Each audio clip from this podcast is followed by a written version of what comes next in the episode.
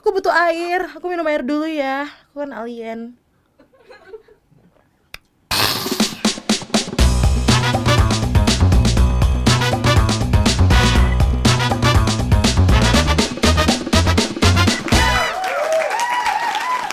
Hormat!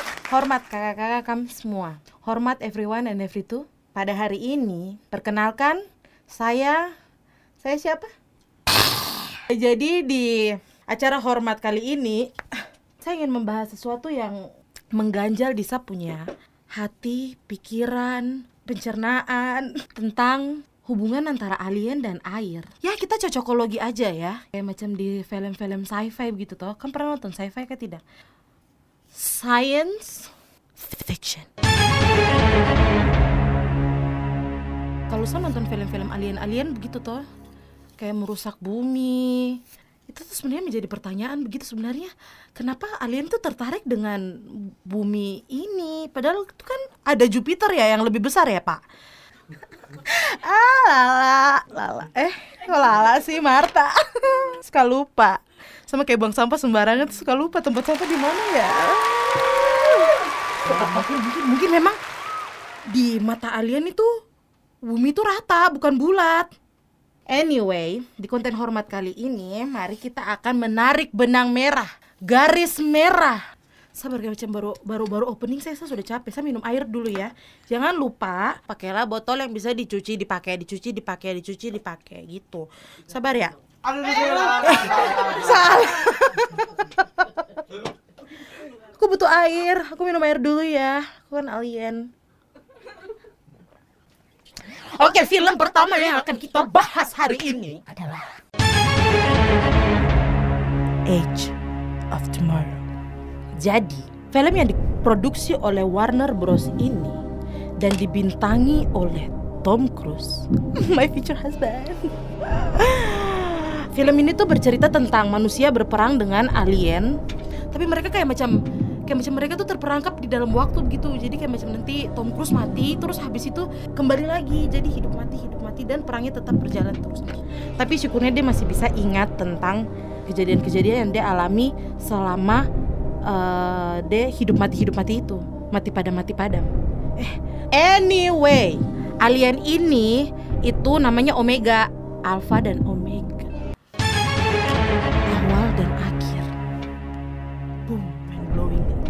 jadi Omega itu induknya dan dia tuh tinggal di dalam air. Jadi dia hidup karena ada air untuk mempertahankan suhunya. If I'm not mistaken.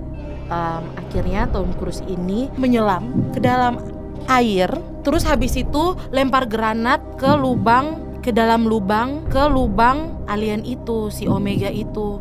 Terus habis itu sudah deh aliennya meledak. Seketika aliennya meledak, mati dan akhirnya dunia kembali lagi. Nanti kan nonton sendiri sudah pokoknya kayak begitu. Jadi aliennya hidup di dalam air.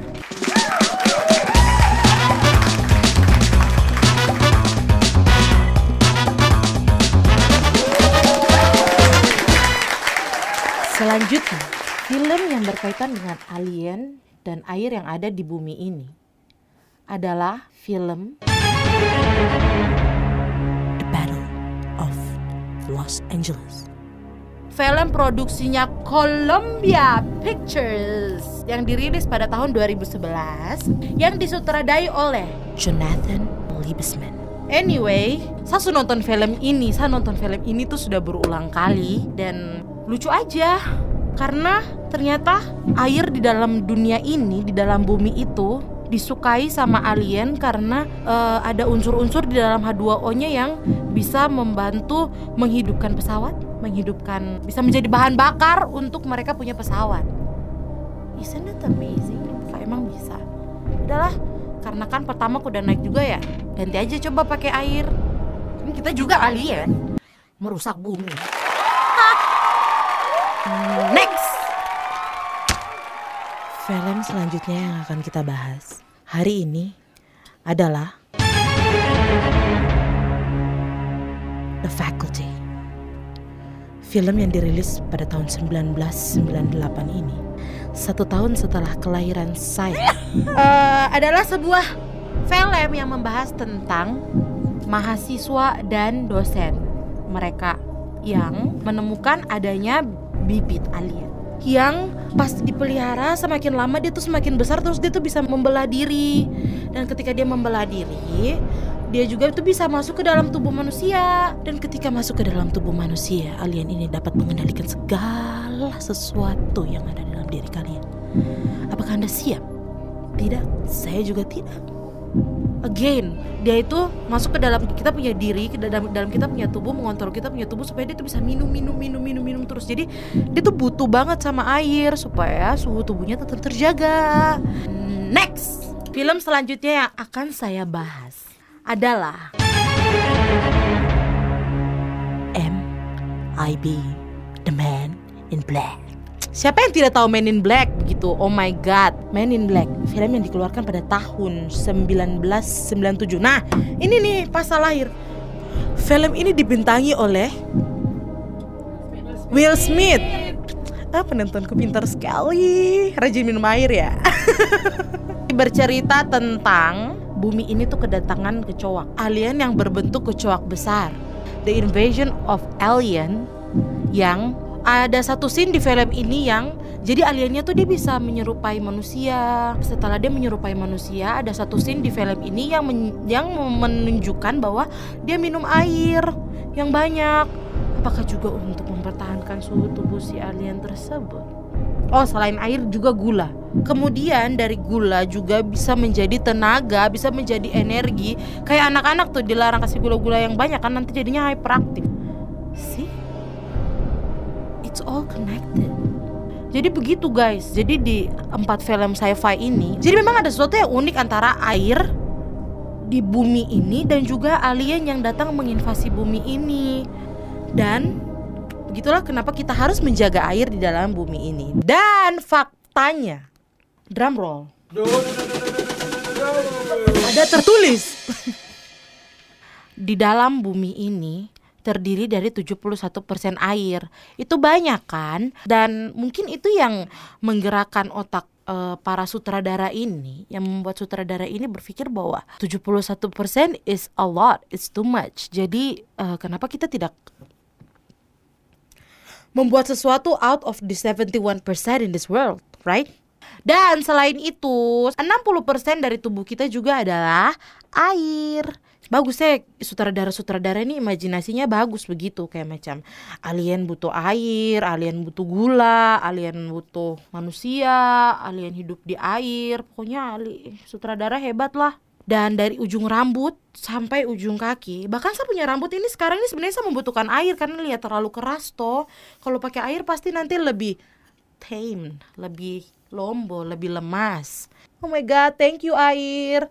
Jadi segitu pentingnya begitu air untuk kita punya hidup dan kehidupan. Bukan hanya manusia saja yang membutuhkan air, tetapi hewan, tumbuhan, hutan, dan segala organisme mikroorganisme tuh membutuhkan air untuk hidup.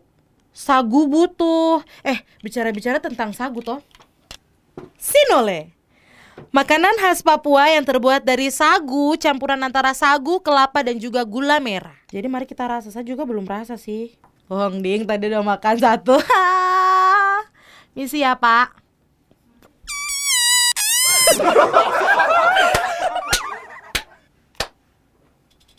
Mind blowing.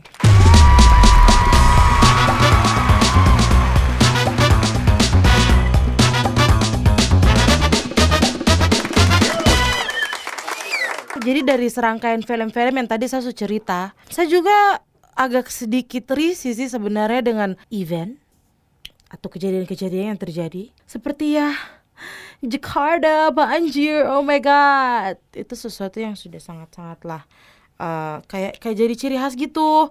Tapi ternyata tapi kebanjiran itu bukannya terjadi di Jakarta tapi di Papua juga. Salah satunya yang recently just happen yang baru saja terjadi adalah itu kapan ya? Beberapa bulan yang lalu ya yang banjir bandang itu di Jayapura di permukiman itu. Itu di itu yang paling parah itu di pasar. Sampai airnya tuh banjirnya tuh sampai tutup genteng-genteng seng-seng yang ada di pasar. Orang jualan-jualan sampai mereka pakai rakit. Mereka pakai itu perahu-perahu untuk menjadi menjadi salah satu alat transportasi di tengah-tengah uh, pasar itu yang banjir. Again banjir itu terjadi karena apa? Karena ya karena pohon-pohon ditebang, hutan ditebang, jadi nggak ada akar lagi yang bisa menahan air-air itu. Kemudian terjadilah longsor. Nah udah langsung deh sepaket sampah, saluran-saluran pembuangan itu semuanya tersumbat karena sampah. Nah itu dia kenapa begitu pentingnya juga untuk kita menjaga air di dalam dunia ini.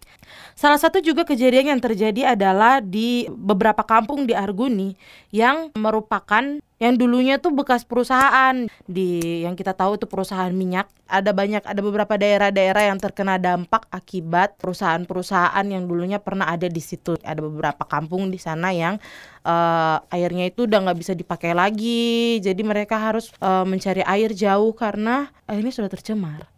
What's going on in people's mind? Anyway, Nah, nih, masalah itu banyak ya.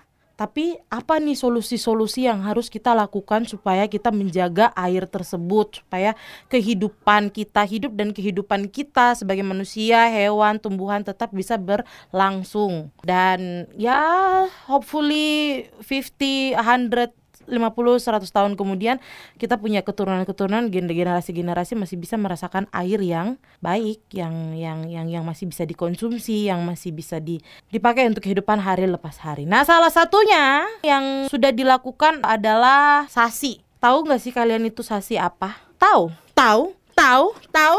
Sambil sisir rambut ya. Jadi sasi itu adalah uh, aturan yang dilakukan oleh masyarakat setempat, oleh daerah setempat untuk menjaga agar pengambilan sumber daya alam di daerah tersebut itu bisa diambil tapi dalam jangka waktu tertentu.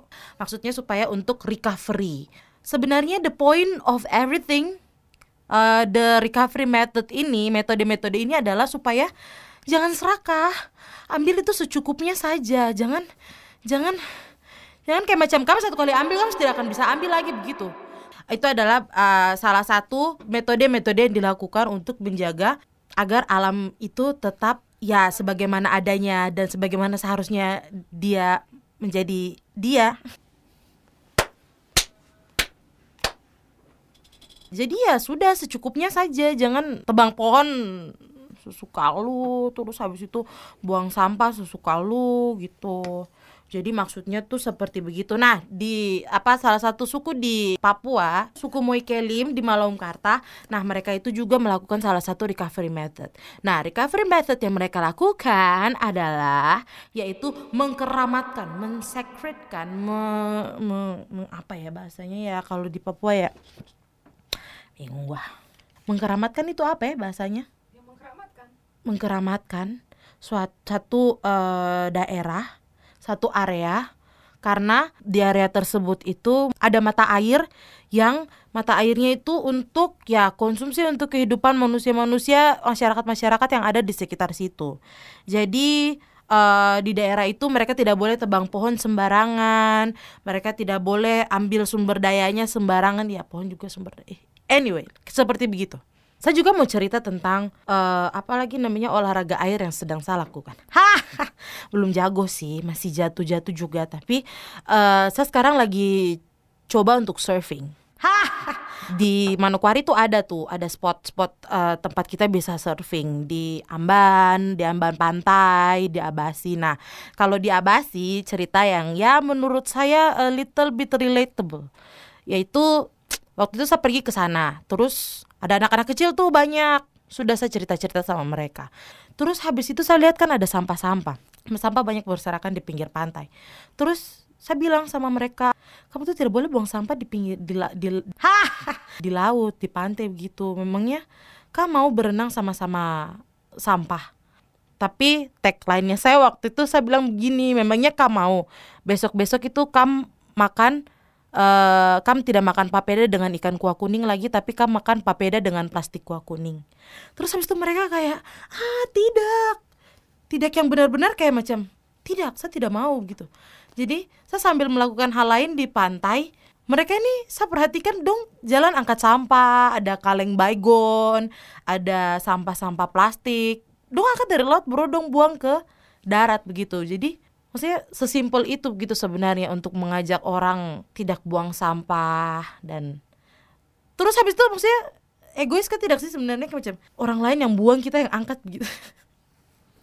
Anyway. Again 60% dari tubuh kita adalah air.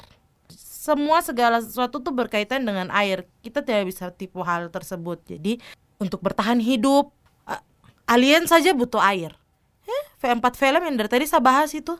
Aduh jangan-jangan sebenarnya kita nih manusia yang alien begitu. Kita yang merusak kita punya tempat tinggal sendiri. Sama kita semua galau sama-sama sama kita semua ya memikirkan hal ini sama-sama begitu. Supaya bukan hanya saya saja yang pikiran kami juga harus pikiran. Jadi seperti begitu kawan-kawan kakak-kakak hormat semuanya.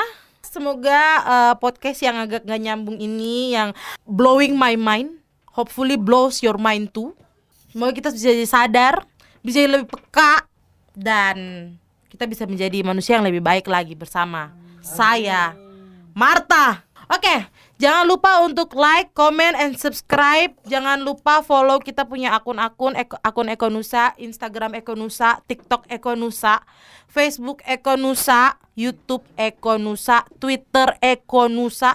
Semuanya Ekonusa. Ekonusa. Apa? Ekonusa. Apa? Ekonusa. Sudah sama lanjut anyam rambut ya guys Kakak-kakak hormat